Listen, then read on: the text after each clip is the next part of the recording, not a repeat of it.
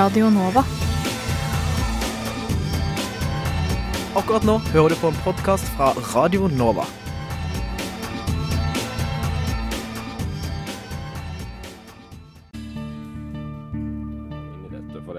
For det hadde vært siden eh, Noam Chomsky etablerte den greina av lingvistikken som, som jeg befinner meg i. Vi håper jo på breiest mulig oppslutning om SV, og jeg tror at det eneste som kan få norsk løsner båndet mellom staten og kirka, og forhåpentligvis fører til tettere bånd mellom kirka og folk. Så hadde de gjort som andre fjøringsbevegelser i verden, hadde de helt legitimt kanskje tatt i våpen. Og, og så direkte skildring av menneskeskjebner tror jeg ikke vi har sett eh, i noen annen nyhetsdekning av noen annen terroraksjon. Det er såpass store forskjeller mellom den kalde krigen, hvor det var to supermakter som sto mot hverandre, eh, og den situasjonen vi har i dag.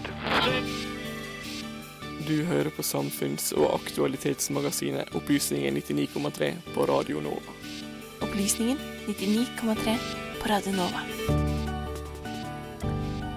Ungarn blir stadig mindre demokratisk, og utviklingen bekymrer mange. Hvor er landet på vei? Og Greenpeace vurderer sammen med flere organisasjoner å saksøke staten for brudd på Grunnloven. Hvordan beskytter Grunnloven naturen og miljøet? Og om noen få tiår vil vi alle ha en kreftdiagnose, mener forsker ved Folkehelseinstituttet. Han forklarer oss hvorfor om litt. Fredsstasjon har en innvirkning på den enkelte nordmanns selvfølelse og identitet. De sliter, og de har ikke råd til å betale eh, markedspriser for, for gassen. Akkurat nå hører du på Radio Novas samfunns- og aktualitetsmagasin, Opplysningen 99,3.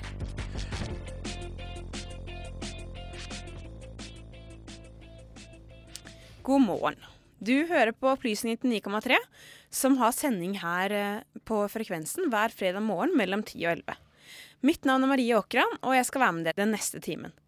Eh, I tillegg til sakene du nettopp hørte, så skal vi til Uruguay og høre om legaliseringen av cannabis her. Men først til Ungarn. Utviklingen i Ungarn har vært urovekkende i lang tid. Makt konsentreres, og uavhengigheten til domstolene, media og organisasjoner svekkes. Og ved makten sitter Høyre og KrFs søsterparti. Hva kan gjøres for å endre utviklingen i landet? Velkommen, Morten Kinander. Du er jurist og filosof og jobber i den liberale tenketanken Civita. Aller først, hvordan er Ungarns styresett, eh, og hvem er det som sitter ved makten her i dag? Ungarns styresett er, ligner på veldig mange andre demokratiske styresett sånn i, i formen. Det er eh, et parlament hvor det er en president og en statsminister som eh, stiller til eh, valg, og de valgene fungerer egentlig ganske greit, sånn i seg selv. Det som eh, har kjennetegnet Ungarns utvikling i det siste, er at Fides, dette partiet som utviklet seg fra et veldig liberalt, rettsstatsvennlig kommunistopposisjonsparti, har gått i en sterk nasjonalistisk retning. Men med innslag både fra marxisme og elementer på, langt ute på høyresiden. Og de har hatt to tredjedels makt nå ganske lenge. Og det at de har to tredjedels makt, gjør at de kan endre Grunnloven løpende. Og de utnytter denne to tredjedelsmakten ganske dramatisk til å styre uavhengige domstoler, media, universiteter og alle andre kritiske røster som de da underlegger seg ved å sette inn sine folk. Så de tar fra de lisensene, og de gjør det vanskeligere å bedrive uavhengig aktivitet som da er på siden av Fides sine kontrollinjer. Mm. Så hvordan vil du beskrive landet i dag? Det, du sier at det ligner på eh, hvordan det styres av demokratisk styresett, men er det et demokrati i dag, egentlig? Ja, det er vel i hvert fall formelt sett et demokrati, uh, men det er ikke noe godt fungerende demokrati. Uh, det var et godt fungerende demokrati, i hvert fall relativt sett. Hvis du ser på alle de landene som gikk fra kommunisme, så klarte Ungarn seg ganske godt. Og de hadde en ekstremt sterk og uavhengig domstol som overså liksom, ut, den politiske utviklingen ganske kraftig. Mm. Jeg tenker Vi skal litt tilbake til det historiske litt senere, men eh, før det. Denne Viktor Orban. Ja. Han har blitt beskrevet som en europeisk Hugo Chávez. Hvem er egentlig Orban? Orban er en uh, spesiell figur. Han uh, kom jo Han fikk jo faktisk en, uh, en menneskerettighetspris i Norge av Raftostiftelsen i Bergen som en av de som var, var opposisjonelle under kommunismen. Sånn at den, han har blitt støttet ganske kraftig. Men så tok han en dreining eh, underveis. Så når han ble leder av eh, partiet, så, så tok eh, Orban og fylte et vakuum som Altså etter at sosialistene vanstyrte landet fra 94 til 98, så Og igjen fra 2002, så fylte Orban et rom. Fordi det sosialistene åpent altså innrømte, var at de hadde jugd for folket. For de hadde drevet en masse Åpent innrømmet, faktisk. Ja, de, det var en som ble teipet. eh, som av regjeringsmedlem som ble teipa, som sa at vi har jo jugd for folket konsekvent i alle disse årene. For det var da- veldig korrupt styre. det var et veldig korrupt styre, og det var liksom Det er kanskje lite som skiller liksom å markere om man er sosialist eller på høyresiden akkurat i det i den relasjonen, da. Så um, tok øh, Orban det for alt det var verdt, og uh, kom da til, val- til makten i 2002. I tillegg så uh, tapte han da i, i 2006, men han da aksepterte ikke eh, tapet.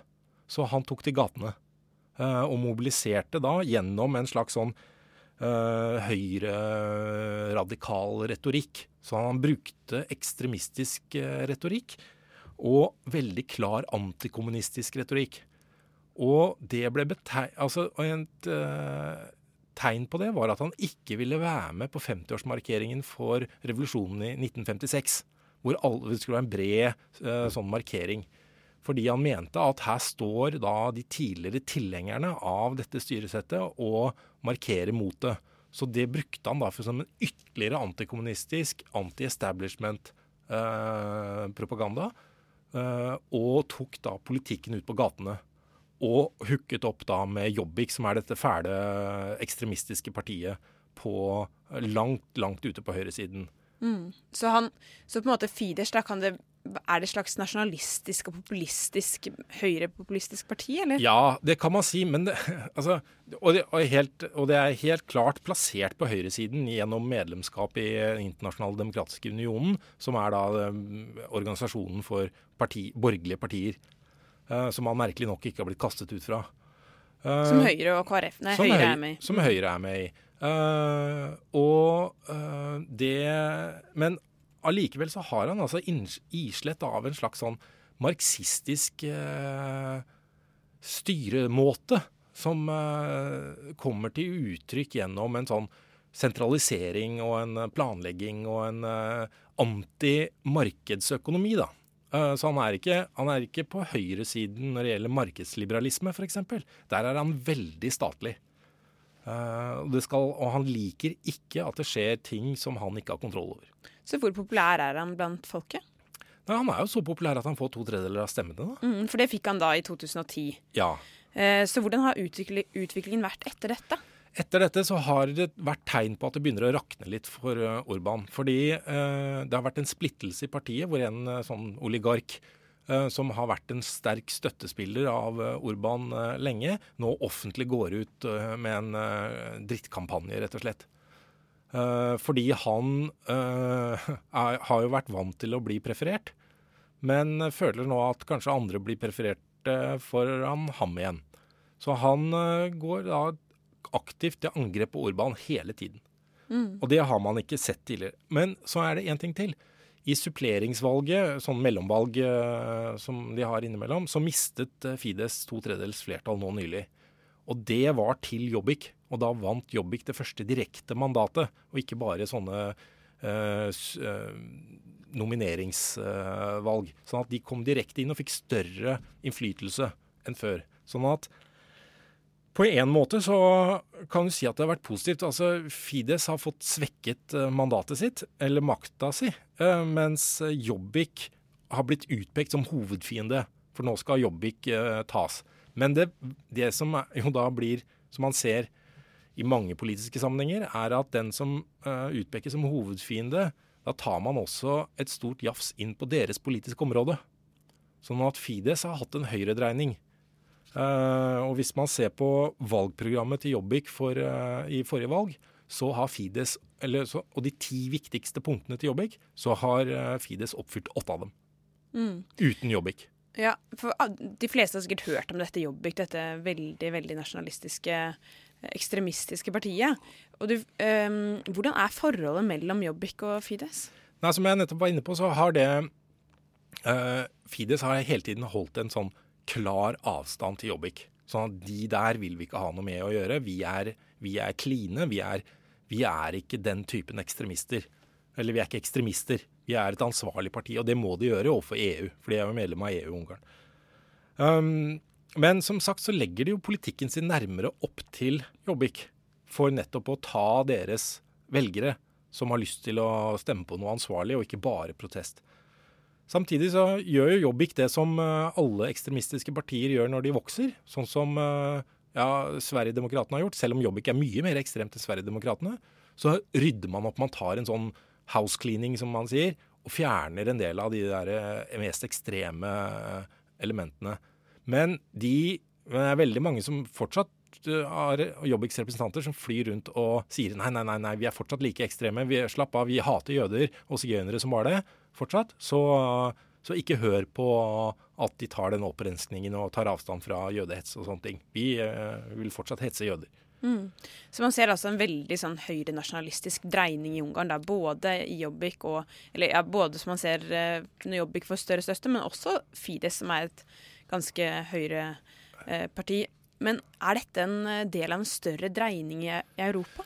Uh, det som Orban gjør, er å dreie seg ganske kraftig mot Putin og fra Vesten.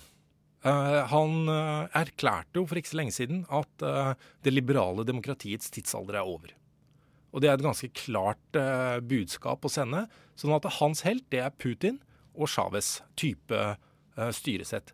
Sånn at det er en, ja, som jeg var inne på i stad, altså, ja, det er en urovekkende høyredreining på den måten at man fører av en, en fremmedfiendtlig politikk med ekstremistisk retorikk som, og nasjonalistisk. Men det er også urovekkende at denne marxistiske sentralstyringen eh, fungerer, for den går utover økonomien. Mm. For den, det er, har blitt en voldsom korrupsjon i Ungarn. Men den korrupsjonen har ikke den eh, karakteren som det hadde, eller som det f.eks. har i Italia, hvor du betaler penger eh, til lege og til en politiker for å få et eller annet, eh, en, bevilling. Men du betaler til partiet. Eh, du må være medlem av Fides for å få offentlige kontrakter, f.eks. Eller for å få lov til å utøve eh, forretningen din. Så må du melde deg inn i Fides og betale en stor slump penger. Mm. Sånn at det er, en, det er, ikke en personlig korrupsjon, men det er en statlig korrupsjon. Mm. Og det, altså, det man sier, er at det er russisk type korrupsjon, og ikke italiensk type korrupsjon. Mm. Men selv om man ser denne eh, dreiningen mot øst, eh, så er jo landet med i EU. Hvordan har EU forholdt seg til eh, denne utviklingen? EU har forholdt seg litt EU har kommet med voldsom kritikk. Uh, men de har ikke kommet med noe mer enn det. De, har ikke, de har ikke fått noen konsekvenser? Nei, det er vanskelig å hive ut landet av EU. Uh, det krever enstemmighet. Uh, det man kaller liksom atomknappen, som er i EU-traktatens uh, artikkel 7, tror jeg det er. Som krever en voldsom enighet om å kaste ut et land. Og det er jo klart at det er vanskelig å oppnå. for sånn som EU har blitt, så har det blitt en slags polarisering med at høyresiden i, EU støtter sine, Carl Bildt i Sverige eksempel, har vært veldig tilbakeholden med å kritisere Ungarn. Mens venstresiden i EU støtter sine bad guys. Uh, så da får man en sånn som man sa sånn He may be a son of a bitch, but he's our son of a bitch. Så da, da vil man heller beholde dem. Og det har jo ført til at man at liksom Orban vet jo at de aldri kommer til å bli kastet ut. Han vet jo at de ikke kommer til å ha ordentlige økonomiske sanksjoner. For et økonomiske sanksjoner vil antageligvis ha den konsekvensen at det bare blir ytterligere dreid mot Østen og, og Russland. Og blir mer antivestlig og, og mer autoritært. Mm. Så, så, nå må vi avslutte, men helt til slutt. Har vi noe vi kan gjøre her fra Norges side? Vi er jo eh, f.eks. Høyre eh, og KrF som er i organisasjoner sammen med Fides. da. Er det noen man kan, måte man kan påvirke på? Man burde jo, syns jeg, kastet ut, eh, eller stemt for at de skal ut, bli kastet ut av denne foreningen mm. av borgerlige partier i Europa. Men det ville jo ikke ha noe særlig effekt. Og det må jo huske på at det er et suverent land. De får gjøre, de, altså I utgangspunktet så vi kan jo ikke invadere dem uh, eh, pga. en sånn utvikling. De driver jo ikke med grove menneskerettighetsbrudd. Det er jo et uh, forholdsvis velfungerende land sånn sett. Um, med unntak fra en, uh, behandlingen av sigøynere uh, og jøder i visse Jobbik-styrte kommuner. Men når det er sagt, så så er det litt sånn vanskelig å, å gjøre noe, altså. Um, for det man også må tenke på hvis man skal gjøre noe, er hva som kommer isteden. Mm, ja. Det var det vi fikk tid til i dag. Tusen takk for at du ville komme, Morten Kinander fra Civita. Det er jo klart for de fleste at noe, noe er galt med verdensøkonomien. Alvorlig galt. First thing I, I went into prison, a young man, and I got out of it a very old man. Du hører på Opplysningen 99,3 på Radio Nova. For snart et år siden så fikk Grunnloven paragraf 112. Den starter slik. Enhver har rett til et miljø som sikrer helsen, og til en natur der produksjonsevne og mangfold bevares. Mange ønsker å bruke loven, men når kan den få konsekvenser? Med oss i studio i dag har vi Ole Kristian Faukal, professor ved Institutt for offentlig rett ved Universitetet i Oslo, og forsker ved Fridtjof Nansens institutt. Og vi har leder i Greenpeace Norge, Truls Gulofsen. Velkommen. Takk for det. Takk. Ole Kristian, du har forsket på dette lenge. Kan du fortelle litt om bakgrunnen til denne paragraf 112 og hva som skjedde i fjor? Ja, Bakgrunnen til 112 strekker seg helt tilbake til 1992, da vi hadde den store konferansen om miljø og utvikling i eh, Rio. Eh, og eh, da, eh, som en del av forberedelsene til det, så var det forslag om å, å ta inn en, en, bestemmelse om miljø i Grunnloven. Og den kom da inn rett før konferansen i 1992. Og har vært der siden det, og hadde jeg gjorde en studie av dette på rundt 2005-2006, og, og konkluderte da med at bestemmelsen hadde hatt relativt liten betydning fram til da. Eh, og I forbindelse med grunnlovsjubileet så ble den eh, saken tatt opp igjen, og det var spørsmål om eh, man burde gjøre noe for å styrke bestemmelsen.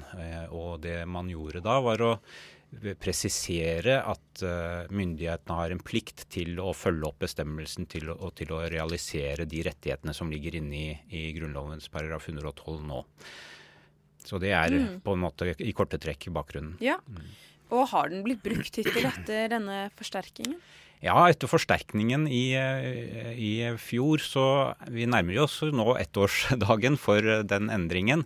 Eh, og det var eh, relativt stor enighet i, i, Stortinget om å videreføre bestemmelsen, men ett parti stemte mot, og det var Fremskrittspartiet. Alle de andre var for denne forsterkningen, og Fremskrittspartiet gikk jo så langt som å si at de egentlig ikke ønsket bestemmelsen i Grunnloven lenger, så de ville kaste den ut av Grunnloven. Eh, det som da har skjedd i ettertid, er at det har kommet opp en del saker hvor eh, paragraf 112 har vært aktuelle. Eh, vi har eh, snøscootersaken om, om motorferdselsloven, hvor man skal åpne opp for snøscootere i, i, i, eh, utmarka. Og spørsmålet om utredning har vært i tråd med Grunnloven. Vi har den nye konsesjonsrunden for oljeboring som har kommet opp, og hvor Grunnloven blir en viktig tematikk der òg. Og så har vi en, et par andre saker også som, mm. som aktualiserer paragraf 112. Eh, Har det ført, ført til noen domfellelse, noen av dem ennå? Eh, nei, altså Domfellelse er litt eh, vanskelig å si. Eh, alle er jo opptatt av det. Men det som, er, det som, er, ganske viktig her, er hvordan forvaltningen forholder seg til bestemmelsen. Og det som er litt oppsiktsvekkende, og som jeg også konkluderte med da jeg undersøkte praksisen på midten av 2000-tallet, det er at Miljøverndepartementet ikke er interessert i bestemmelsen i det hele tatt. De eh, overser bestemmelsen, og, og, og i snøscootersaken f.eks. så har de argumentert for at bestemmelsen ikke skal anvendes av dem, men at de skal delegere det til kommunene, og at det er kommunene som skal bruke bestemmelsen, og ikke Miljøverndepartementet. Hvorfor tror du de har denne innstillingen til paragrafen? Eh, det er vanskelig å, å, skjønne, egentlig. For man skulle jo tro at når ja, Nå heter det ikke Miljøverndepartementet, men når Klima- og miljødepartementet eh, får en sånn bestemmelse i fanget og et oppdrag fra Stortinget om å, eh, å sørge for at den bestemmelsen blir realisert, eh, og det er en rettighetsbestemmelse, eh, så, så, skulle man tro at de benyttet seg av sjansen og brukte bestemmelsen aktivt innenfor sitt politikkområde. Eh, men det har de rett og slett ikke gjort. Eh, og det kan være politiske grunner til det. Det kan være eh, ren sløvskap til det. altså at man tenker at altså Byråkrater har en tendens til å gå med nesa ned mot bakken og løse sakene etter hvert som de kommer. Og det er ofte vanskelig og utfordrende å løfte blikket og se den politikken man driver med til hverdags i en større sammenheng. Men dere, Truls Gullofsen, dere er i hvert fall ikke like sløve. Dere har nå eh, eh, sagt at kanskje dere kommer til å saksøke staten for eh, ja, eh, dere i Greenpeace sammen med flere andre organisasjoner. Hvorfor det? Det er jo det som har aktualisert dette for oss, er jo Vi er veldig glad for at Grunnlovens miljøbestemmelse har fått et sånn operativt element som tydeliggjør hvem som har plikt. At det er staten som har plikt til å sikre et godt miljø og til å utrede de miljøkonsekvensene av de tiltakene som de gjennomfører. Eh, viktig forsterkning. Eh, og det mest aktuelle altså Det er mange aktuelle saker, som Ole Kristian Fauko var inne på. Eh, men, men det vi ser som den tydeligste saken nå, er hvordan regjeringa utlyser 23. konsesjonsrunde langt nord i Barentshavet, innenfor det som forskerne har definert som den veldig sårbare iskanten og polarfronten, i strid med alle faglige råd, og innenfor en situasjon hvor vi vet at hvis vi skal løse klimaproblemet, så kan vi ikke utvinne olje og gass fra de områdene i Arktis. Så vi ser på den utlysningen. Hvis det blir gjennomført tildeling i tråd med utlysningen, som Stortinget nå ser ut til å gi sin eh, tilslutning til på nytt og på nytt, dessverre, så er det et brudd på Grunnloven som vi ønsker å saksøke regjeringen eh, for, for å se om vi kan få stoppet det den veien. Og Det vil være en veldig interessant test for å, for å vise om den utredningsplikten også omfatter klimakonsekvenser, og om, om, om det måtte har konsekvenser å bryte Grunnlovens miljøparagraf bare for å tekkes oljenæringas interesser. Mm. Tror du at den kommer til å kunne få gjennomslag i denne saken, Ole Kristian? I denne saken og i andre saker så er det et stort spørsmål eh, hvordan domstolen vil forholde seg. For dette, dette går tilbake til den, eh, den, eh, konflikten som ligger i Grunnloven. Hvis man tar en titt på Grunnloven sånn som den er i dag, så er det mange bestemmelser som står tomme.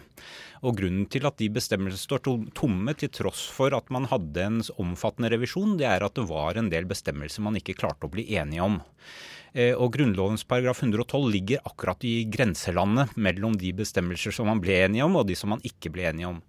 Og de som man ikke ble enige om, det er økonomiske, sosiale og kulturelle rettigheter som legger store grenser på statens uh, frihet til å, å utøve politikk. Uh, og eh, Grunnlovens paragraf 112 blir på en måte en slags eh, test på hvor langt eh, Stortinget er villig til å gå til, i, i, å sette ned noen absolutte grenser for hva som man kan gjøre i lovgivning og budsjettvedtak i etterkant. Eh, det er det noen verdier som man skal på en måte, eh, uansett kostnader, skal ivareta. Er det noen grenser for hvor alvorlige miljøkonsekvenser man kan påføre, eh, eller er det ikke det?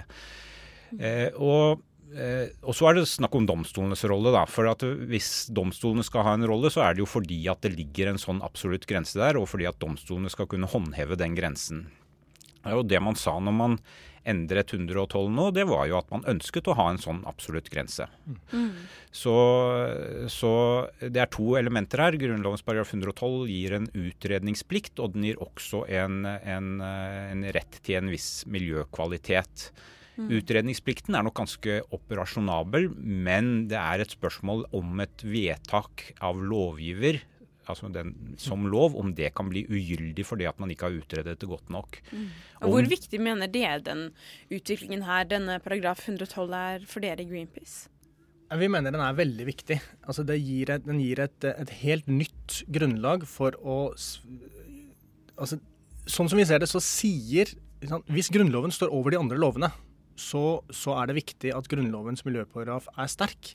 Vi har vært i en periode i veldig veldig mange år hvor, hvor nesten alle miljølovbestemmelsene har vært sånn at man skal veie det ene hensynet mot det andre, og at det skal gjøres av den som forvalter loven. Og Forurensningsloven er jo et typisk veldig problematisk eksempel, som forvaltes av, av, av Cliff eh, forurensningsmyndighetene, og, og, som kan gjøre at vi får tilfeller som Førdefjorden f.eks., hvor er, de sier at det er greit å dumpe enorme mengder med gruveavfall i en fjord, selv om miljøkonsekvensene er dramatisk store, fordi at det kan skaffe noen arbeidsplasser. Mm, for, og, vi, for, de som ikke har fått med seg denne saken, så kan jeg snakke litt mer Det er Nordic Mining, en eh, ja, som da kanskje får lov til å eh, utvikle et gruvedeponi i Førdefjorden. Dette er ganske spesielt internasjonalt også, er det ikke det? Norge er ett av fem land i verden som tillater å dumpe gruveavgang til sjø. Eh, alle andre har forbudt det, med veldig gode grunner.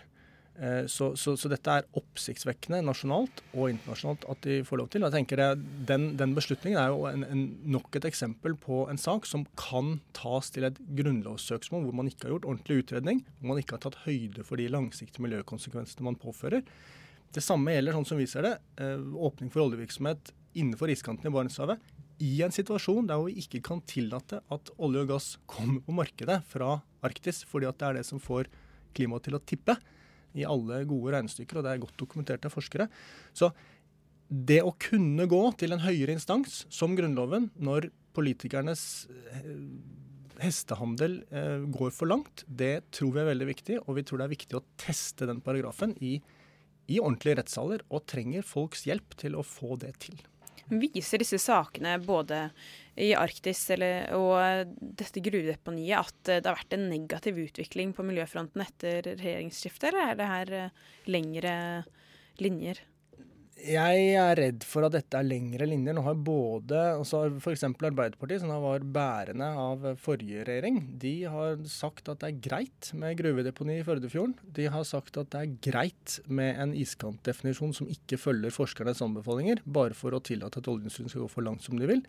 Eh, de øvrige miljøpartiene på Stortinget eh, har vært, har vært eh, veldig tydelige med at de, begge disse tingene er ugreit. Men vi er i en situasjon hvor vi ikke får flertall for konkrete miljøsaker så lenge, så lenge Høyre, Frp og Arbeiderpartiet ikke tar ansvar. Og da er det jo bra at de har, en del av dem da, har tatt ansvar gjennom overordna bestemmelse som sier at miljø er viktig. Og så tenker vi at hvis ikke Stortinget kan høre på sine egne lover, så må vi be domstolene om å, om å tolke loven for politikerne. Mm. Hva tror du om denne saken med det gruvedeponiet? Tror du eh, den kan gjeldende, bli gjeldende der, denne paragrafen? Ja, altså, det som jeg syns er litt spesielt i denne saken, er jo at, eh, at Miljødirektoratet har foretatt en fornyet vurdering av, av ut, utslippsspørsmålet og kommet til at de skal gjøre det samme som Miljøverndepartementet. Her er det Miljøverndepartementet som sitter med den politiske avgjørelsesmyndigheten.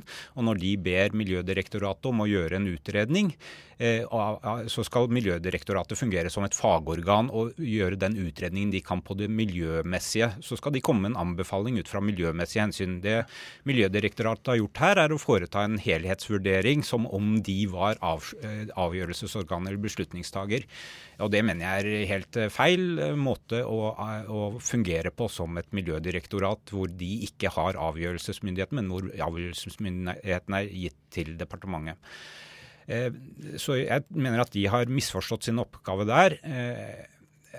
Eh, eh, når det er sagt, så tror jeg den saken kanskje er så grundig utredet at man ikke kan ta det på utredningsplikten i denne saken her. Så, så, det som eventuelt da måtte gjøres i, i Førdefjord-saken, tenker jeg er å, å, å, se på hva slags betydning det har for biologisk mangfold, for produksjonsevnen i fjorden, og gjøre noen valg der.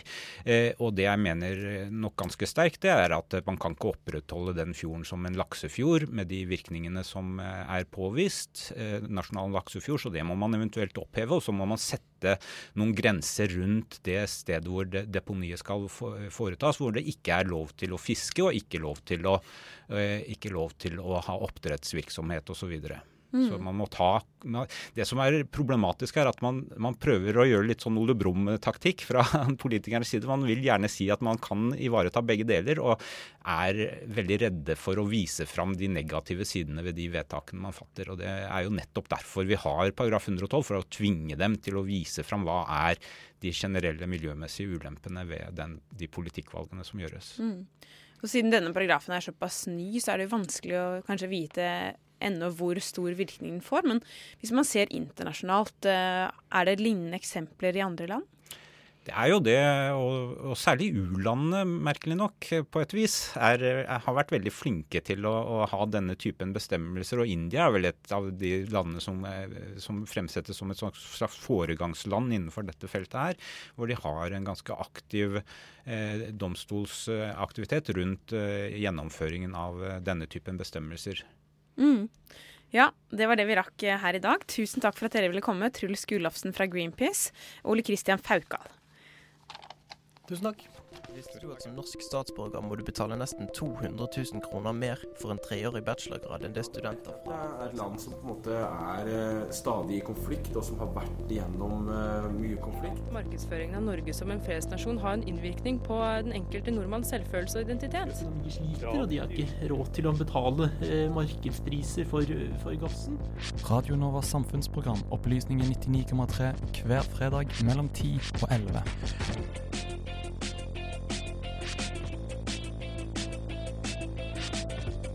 Mange av oss har små svulster i kroppen som vi lever lykkelig, i, i lykkelig uvisshet om. Samtidig får vi bedre metoder for å oppdage svulstene, og stadig flere blir behandlet. Men risikerer vi å sykeliggjøre friske folk, ja til og med gjøre folk direkte syke av behandling de ikke hadde trengt? Per Henrik Zahl, du er lege med doktorgrad i medisinsk statistikk og seniorforsker ved Nasjonalt folkehelseinstitutt. Du har uttalt at om noen få tiår så vil alle ha en kreftdiagnose. Hva mener du med dette? Det er ingen tvil om at um, det er bare et spørsmål om tid før alle får en kreftdiagnose, fordi man vet at uh, alle friske mennesker i perioder av livet har små svulster som aldri vokser og skader dem, og som man kan oppdage. Og hvis man bruker dagens tall og, og um, ser framover i tid, så vil det ikke gå mange tiår før alle får en kreftdiagnose, før de til slutt dør. Så de fleste av oss har, eller mange av oss har små svulster som er ufarlige, altså? Ja, og det vet alle leger. Det vet alle leger. Så hvorfor eh, Men du mener da at det foregår en overdiagnostisering. Kan du forklare dette litt nærmere? Overdiagnostikk er altså diagnostikk av en liten svulst som vil, aldri ville gitt deg kliniske symptomer, og som du aldri ville dødd av. Som sagt, det vet alle leger, men problemet er at eh, bare noen få Bare 7 av befolkningen kjenner til dette problemet. Og jo mer du leiter, jo mer vil du finne. Så hvor, hvor omfattende er denne overbehandlingen, da, hvis man ja, Hvis du tar i en sykdom som prostatakreft, da, så er det snakk om at 5 eh, av befolkningen, minst 5% blir unødvendig diagnostisert og behandlet for prostatakreft i dag og et tilsvarende tall for brystkreft. Mm. Og så har du alle andre kreftsykdommene i tillegg. Og Hva er konsekvensen av denne overdiagnostikken? Konsekvensen er at eh, store deler av befolkningen blir sykeliggjort, men de lever ikke lenger. Mm. Og det er vel ganske kostnads... Uh... Ja, det er det andre problemet. da. Dette er jo i stor grad sykdommer som det er veldig vanskelig å helbrede. Og man bruker store ressurser på å behandle det, og mange andre sykdommer som man kan behandle, blir ikke behandlet fordi ressursene går til de gale pasientene. Mm. Men hvis man ikke vet hvilke svulster som er farlige og ikke, er det ikke nødvendig da med noe overbehandling? Noe overbehandling må det alltid være for at folk skal roe seg ned. Spørsmålet er om man skal pushe hele befolkningen til å gå til regelmessige undersøkelser for å se om man finner noe. Og så vet man at man vil finne noe, men pasientene eller den friske delen av befolkningen vil jo ikke leve lenger. Men hva tenker du er alternativet? da? Hvor burde grensen gå? Hvem skal gå til eh, undersøkelser, til screening? Ja, dette handler jo om informasjon av befolkningen. Som sagt så er det bare 7% av befolkningen som skjønner dette problemet. 93% må bli opplyst, og det er myndighetenes oppgave å forklare dem at dette er ikke til fordel for dem. Så for et av de eh, programmene du har vært veldig skeptisk til, er dette mammografiprogrammet. Hvorfor det? Vel, første Det er mange grunner til det. En er jo at det er basert på vitenskapelig uredelighet og svindel, og det må man ta et oppgjør med, men det vil man ikke. Ok, Hva vil det si? Hvorfor er det dette Eh, flere av studiene var manipulerte. OK, fortell. Um, ja, dette står i lærebøker i medisin om hvordan man manipulerte med dødsårsaker, og dataene er hemmelige. og eh, det er jo en tankekors at man skal behandle befolkningen basert på studier hvor dataene er hemmelige, og i den grad man har klart å sjekke dem, så er det påvist store feil. Hvordan er disse eh, funnene deres mottatt eh, ellers i forskningsmiljøet? Det er omskrevet inn, fortalt i en lederartikkel i Lancet. Og det hadde ikke blitt omtalt der hvis det ikke var hold i våre påstander. Hva med resten av eh, Forsknings-Norge? Hva med Kreftforeningen? og Eh, De bryr seg ikke om sånt nå. Hvorfor ikke det? Er ikke de, er ikke de også interessert i å unngå overbehandling? Eh, Nei, det tror jeg ikke. OK, hvorfor ikke det? Nei, Det må du spørre dem om, hvorfor de ikke er opptatt av overdiagnostikk. Men leger er jo i stor grad opptatt av det, for de vil ikke gå til sånne helseundersøkelser fordi de er redd for overdiagnostikk. Mm. Så hvor tenker du at ansvaret ligger? Ansvaret ligger oss leger, som må informere, og som jeg mener de er pliktig til å informere pasientene om konsekvensene av sånne type undersøkelser. Og det er også, ansvaret ligger også hos helsemyndighetene, som bør informere. På samme måte som man informerer pasienter før kirurgi og før man skriver ut medisiner, så bør man også informere pasienter som går til forskjellige typer helseundersøkelser om at det er risiko for overdiagnostikk. For Mener du dette gjelder andre typer sykdommer også? Ja, det mener jeg at altså, overdiagnostikk er et problem for av alle eh, sykdommer, ikke bare kreft. Og eh, konsekvensen av overdiagnostikk er overbehandling og skade av friske mennesker. Ok, Så dette kan også skade friske mennesker, mener du? Ja, altså Hvis du blir overdiagnostisert med brystkreft og får strålebehandling og cellegift, så er det ingen tvil om at eh, det vil være skadelig. Så mener du at dette her er også Er det også lobbygrupper bak eh, eh, som, eh, som fører til dette her, eller er det bare Eller er det på en måte bare en slags sånn samfunns... En veldig stor angst for sykdom som fører til denne overdiagnostiseringen? Angst er en viktig årsak til at folk går til sånne undersøkelser, men det er også store økonomiske interesser bak f.eks. mammografi og PSA-screening, fordi dette genererer mange pasienter og mer arbeid for leger og mer inntekt til diagnostisk industri og legemiddelindustri generelt. Dette kan nesten høres litt konspiratorisk ut, at det er store økonomiske interesser bak og Ja, jeg vet ikke. Jeg vil ikke kalle det konspiratorisk. Altså, alle kjenner til at legemiddelindustrien trenger å tjene, eller ønsker å tjene penger, og det er innført lover for å regulere dem. Mm. Så det er ikke noen påstand jeg tar ut av luften. Altså, man vet at sånn er systemet, og det er innført lover for å regulere det, og eh, det trengs flere virkemidler for å regulere det. Mm. Hvis vi går tilbake til krefteksempelet, da. Som, ifølge Kreftregisteret så har, det, så har dødeligheten, kreftdødeligheten gått ned de siste årene, så de er litt uenige med deg i Den har gått litt opp og ned, og hvis du ser på dette over 50-60 års eh, eh, periode og Jeg jobber på dødsårsaksregisteret også, og da har det alltid vært sånn at én av fire vil dø av kreft i løpet av livet. Og dødeligheten har vært den samme over 60-70 år. Problemet er at det er blitt mer enn dobbelt så mange kreftpasienter i Norge i denne perioden. Og nå vokser det eksplosivt med nye og bedre diagnostiske metoder. Mm. Men du mener at selv om eh, det har eh, vært en veldig økning i hvor mange som får kreft, og, og dødstallene har stått på, eh, stått på stedet hvil, så, har det ikke vært, så er det ikke pga. bedre behandling? Nei, altså det er noen unntak. Det er ingen regler uten unntak. Det er noen få sykdommer hvor behandlingen har blitt vesentlig bedre. Mm. Men hvorfor, hvis, hvis dette er et stort problem, hvorfor har vi ikke hørt om det? Det skulle jeg ønske at det vært noen eh, modige politikere som har ønsket å diskutere, fordi eh, kreftdiagnostikk er jo et, eh, en politisk agenda i dag. OK, hvordan? Ja, Man ønsker at eh, flest mulig skal undersøkes for kreft, og man ønsker at det skal behandles tidligst mulig. Men du mener at dette ikke er, eh, at det ikke er lurt nødvendigvis å behandle det tidligst mulig?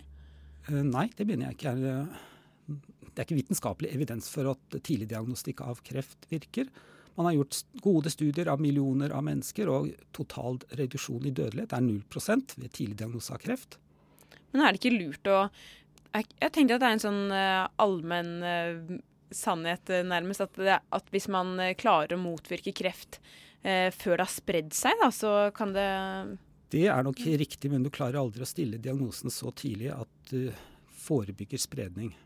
Ok, Men tilbake til dette politiske ansvaret. Eh, Hva, hvorfor tror du at politikerne ikke griper tak i dette? Det må de svare for selv. Men det altså, ene er at de har eh, en politisk egeninteresse i å drive fram masseundersøkelser av kreft. Det andre kan være ren og skjær uvitenhet, at de ikke vet bedre. Mm. Så øh, du er ansatt i Folkehelseinstituttet. Er dette representativt for instituttets syn? Nei, de har ingen mening om det, men jeg har publisert mange artikler om overdiagnostikk av kreft, og jeg uttaler meg på bakgrunn av det. Mm. Så hva mener du at uh, vi må gjøre her for, uh, for å motvirke dette problemet? Folkeopplysning er det beste virkemidlet, og eh, så må man jo forholde seg strigent til vitenskapelig kunnskap, og ikke til synsing. Mm. Du mener at det er mer øh, drevet av synsing og følelser enn vitenskap i dag? Ja. Mm. Ja, så da får vi håpe at vi eh, bidro til litt eh, folkeopplysning i dag. Tusen takk for at du ville komme, Per Henrik Sahl. Du er lege i doktorgrad og eh, med doktorgrad i medisinsk statistikk og seniorforsker ved Nasjonalt folkehelseinstitutt. Ja, og nå skal vi ha et gjenhør fra i høst. Vi skal høre om cannabislegalisering i Uruguay. Uh, my name is Benedicte Bull, and it's a great pleasure to welcome you to this seminar on Uruguay's um, new law on uh, cannabis. Det er tirsdag morgen, og jeg har funnet veien til et eh, seminar om legalisering av cannabis i Uruguay.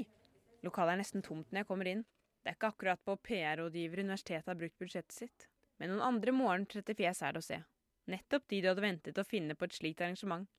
Noen intellektuelle HF-hipstere, et par prominente professorer.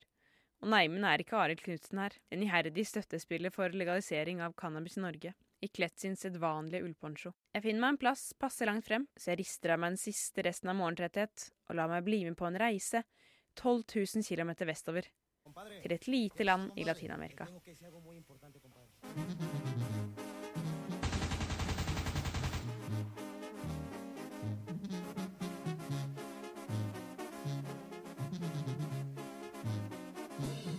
Det du hørte her, var et typisk eksempel på en såkalt narkocarido, en narkotikaforherligende sang. Selv om de først og fremst har sin opprinnelse i Mexico, gir de et tydelig bilde på narkobaronenes sterke stilling i hele Latin-Amerika. Narkotikakriminalitet i Latin-Amerika, eh, det er omfattende.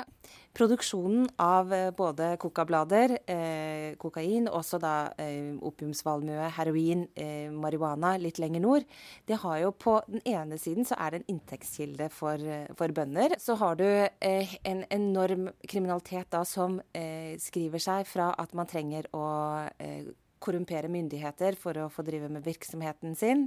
Eh, man trenger tilgang til infrastruktur for å transportere kokain eh, nordover. Så man på en måte De gjennomsyrer samfunnene i stor grad. Der det er verst nå, det er altså i Honduras og El Salvador og Guatemala eh, og deler av Mexico. Likevel er det Uruguay som har hatt de mest radikale tiltakene for å få bukt med narkotikakriminaliteten. I desember 2013 gjorde landet det lovlig med både bruk, produksjon og salg av marihuana.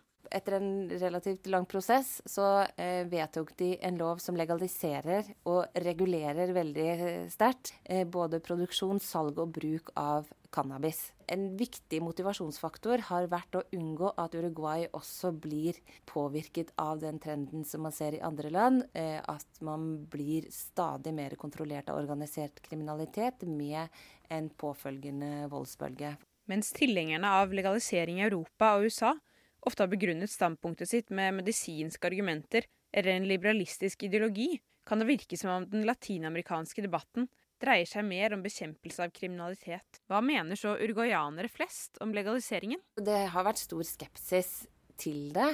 Eh, de fleste sånn meningsmålinger, når folk bare blir spurt om de er for legalisering, eh, så svarer de nei. Et, et flertall iallfall, sånn mellom 55 og 60% sier da nei. Men eh, når de blir spurt om hva de foretrekker, på en måte at, at det blir solgt i en sånn regulert, eh, statskontrollert kontekst, eller et kriminelt marked, så svarer de heller i en statsregulert kontekst. Jeg tror mange som her i Norge vil tenke å, liksom, ja, legalisering, det er fri hasj. Eh, og det er på en måte hippier i parken, og sånn skal det bli over hele landet. Og det er jo overhodet ikke intensjonen med denne loven. Intensjonen er å unngå eh, enda større innflytelse av organiserte kriminelle aktører. At dette her heller reguleres på en god måte av staten.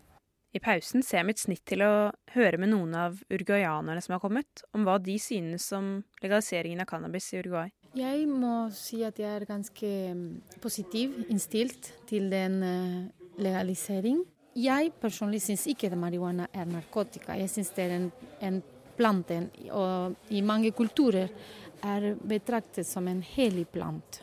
Hva slags konsekvenser tror man så at legaliseringen i Uruguay kan få? Nå vet man jo ennå ikke hva slags effekt den har fått, for den er jo, det er blitt forsinket implementeringen. Så ennå er ikke marihuana til salgs på apotekene i eh, Uruguay. Men eh, man har ganske stor tro på at man skal klare å håndheve regelverket, at man skal unngå at det utvikler seg parallelle svarte markeder uansett, eh, og at man skal unngå f.eks. at organisert kriminalitet også eventuelt da kontrollerer apotekene til slutt. Som man kunne tenke seg at kunne skjedd i et land som Guatemala eller Honduras.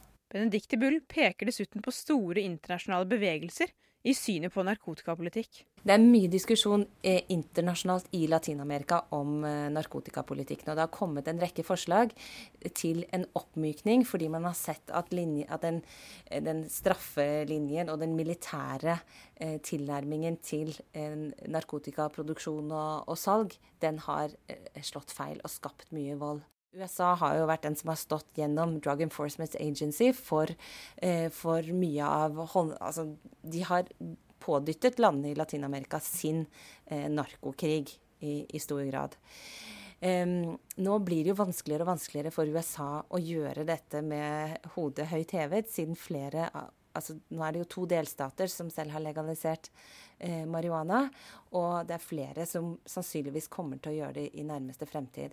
Kanskje ser vi med dette slutten på krigen mot narkotika som Nixon startet i 1971. Det gjenstår å se. Enn så lenge kan vi drømme oss bort fra dette hustrige Høst-Norge til noen varme latinamerikanske toner.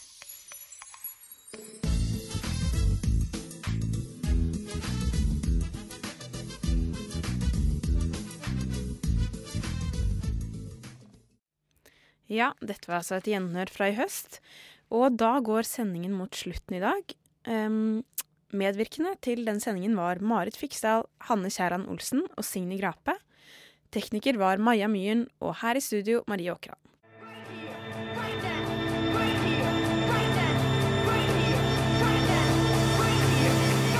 Radio Nova. Du har hørt en podkast fra Radio Nova. Likte du det du hørte? Du finner flere podkaster i iTunes og på radionova.no.